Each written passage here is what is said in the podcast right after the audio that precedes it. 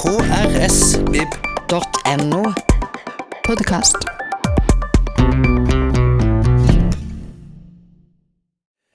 Hei og velkommen til en ny eh, runde med boka mi. I dag så har jeg vært så heldig å få en eh, helt spesiell gjest inn i studio. Det er Laila Løvheim Hakam. Velkommen til deg. Tusen takk. Eh, Jeg tok jo kontakt med deg fordi du ble kåra til årets bokanmelder på U-pris. Ja. Det eh, var ganske stas, da. ja, det var veldig stas. Og det er rett og slett for at du har skrevet masse anmeldelser av bøker og Ja, vi fikk eh, oppgave på skolen. Ja. Fikk vi noen bøker, skulle skrive anmeldelse om de og gi de et terningkast over egen mening. Mm. Og så syntes jeg det var veldig gøy, da. Så det Så Da bare gjorde jeg det. Du bare fortsatte med det? Ja. liksom? Skrev bare noen eh, over ti anmeldelser, og så fikk jeg da brev om at ja, årets anmelder. Så det var gøy. Takk. Kjempekult. Eh, Men da leste du en del også, da? Ja, jeg liker veldig godt å lese. For du har jo, har jo invitert deg til å um, ta med boka di. Ja. Og hva er det som er boka di? Ja, boka mi det er 'Faen ta skjebnen' av John Green. Eller som på engelsk ville blitt 'The Fault in Our Stars'. Yes. Hvordan fant du frem til denne, akkurat den boka? Ja, dette var sommeren mellom syvende og åttende klasse. Fikk jeg beskjed om å lese en ikke helt ny bok, men en relativt ny bok. Så da gikk jeg ned på biblioteket her, spurte gi meg en veldig god ungdomsbok.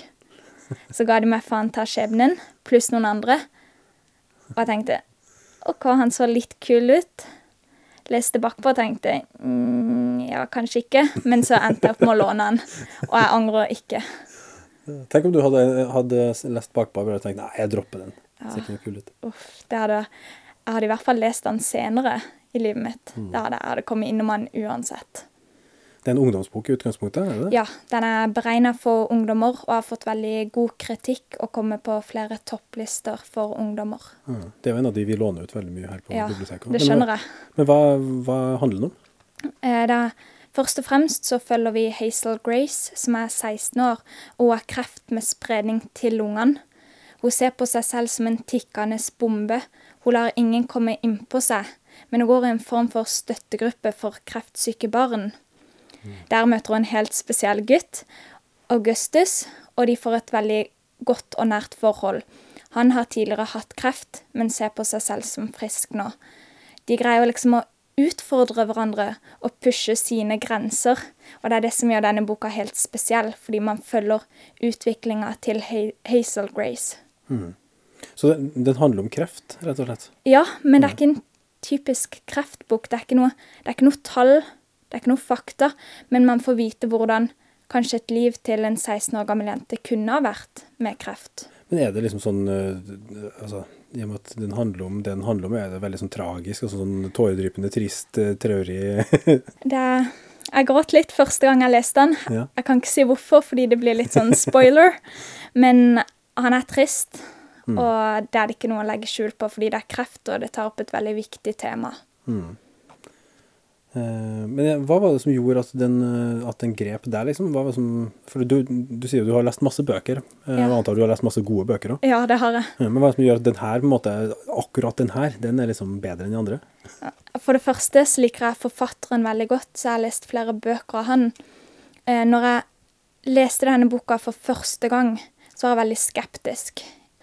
Fordi jeg så bakpå, og det var sånn Ja, det virka veldig klisjé at Å ja, og hva enda en sånn bok?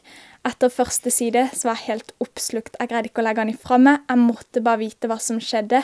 Og jeg ble ikke skuffa en eneste gang. Ok. Så den er, den er godt skrevet, godt fortalt? Veldig også, godt skrevet. Og alt Jeg syns det er en ekstremt god bok. Alt er bra med den. Kunne ikke sagt noe negativt, egentlig. Ingenting? Nei. Nice. Men øh, den har blitt filmatisert. Ja. Hvordan står øh, filmatiseringa seg til boka, syns du? Ja, jeg leste boka først. Noe jeg er veldig glad for, fordi jeg fikk et helt annet bilde av hun Hazel Grace enn det filmen viste meg, så jeg ble nesten litt skuffa. Ikke fordi filmen var dårlig, men fordi min oppfatning og mine bilder stemte ikke med den filmen, da.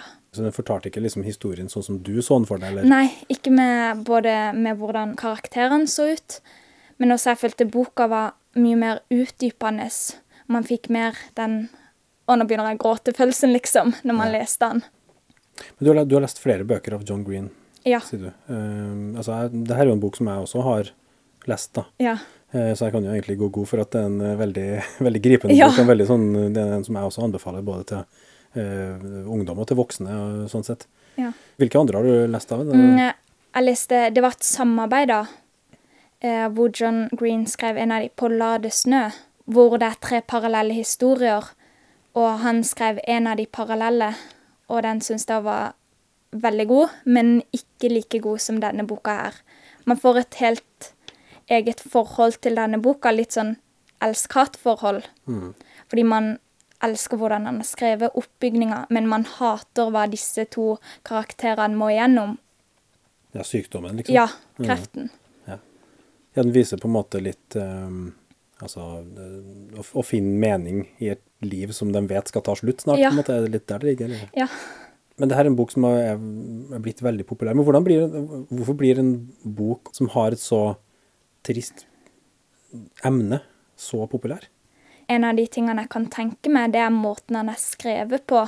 Måten han, John Green la opp boka på, med alle spenningstoppene og beskrivelsene. Det er det som jeg i hvert fall tror at gjør at denne boka har toppa veldig mange lister. Ja, for den er, altså, den er også spennende. Ikke bare liksom, det er ikke bare en trist fortelling, eller sånn, det er også en spenningsfortelling. Ja, er litt, han holder på det, så man blir ikke lei. Det ikke, man blir ikke lei av å bla i boka og lese den. Man vil liksom komme til slutten, Mm. samtidig som man ikke vil at han skal slutte.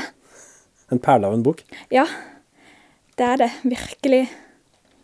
Dette er en bok som egentlig de, de fleste burde ha hatt lest, fordi det er for det første et veldig viktig tema å ta opp, og for det andre en dritgod forfatter, og for det tredje måten boka liksom er i seg selv. Den gir deg noe, liksom. Ja, gir meg veldig mye, egentlig. Har du lest den igjen flere ganger? etter at du Ja, ja, ja. Du har lest den mange ganger? Ja, ja, ja. Jeg, jeg leser den over hvert år. Ok. Jeg bare tar den fra bokhylla, bare låner den, og så er koser jeg med den. liksom. Ja. Nå har jeg glemt, nå har jeg glemt historien. Da må jeg få den igjen. Men åssen er, det- er det? For nå vet du jo hvordan det går. Ja. Jeg er like trist. Det er like Ja, like trist hver eneste gang jeg leser den. helt fantastisk. Mm. Um, da må jeg bare si tusen hjertelig takk for at du kom i studio og delte eh, boka di med oss. Ja, tusen takk for at jeg fikk lov. Flere podkaster fra oss finner du på Google Podkast, Apple Podkast eller iTunes, eller ved å stikke innom vår hjemmeside på krsbib.no.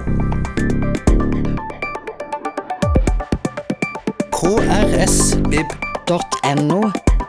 Podkast.